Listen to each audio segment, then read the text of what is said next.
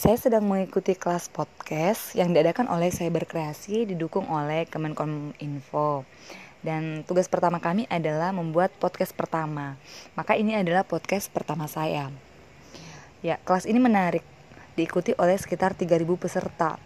Nah, saya tertarik karena e, profesi saya sebagai seorang guru itu kemudian membuat saya harus kreatif dalam memaparkan materi, terutama pada masa pembelajaran online seperti saat ini.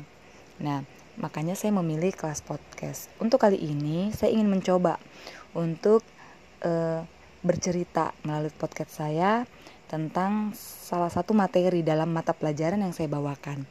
Saya adalah guru mata pelajaran sejarah kebudayaan Islam tingkat madrasah aliyah. Nah, kali ini saya akan bercerita sedikit tentang peristiwa hijrah. Nah, ketika kita berbicara hijrah, maka yang populer adalah ketika terjadinya hijrah e, Rasulullah dari Mekah ke Madinah. Namun yang mau saya bahas di sini adalah tentang hijrah yang pertama kali dilakukan oleh umat Islam, yaitu para sahabat.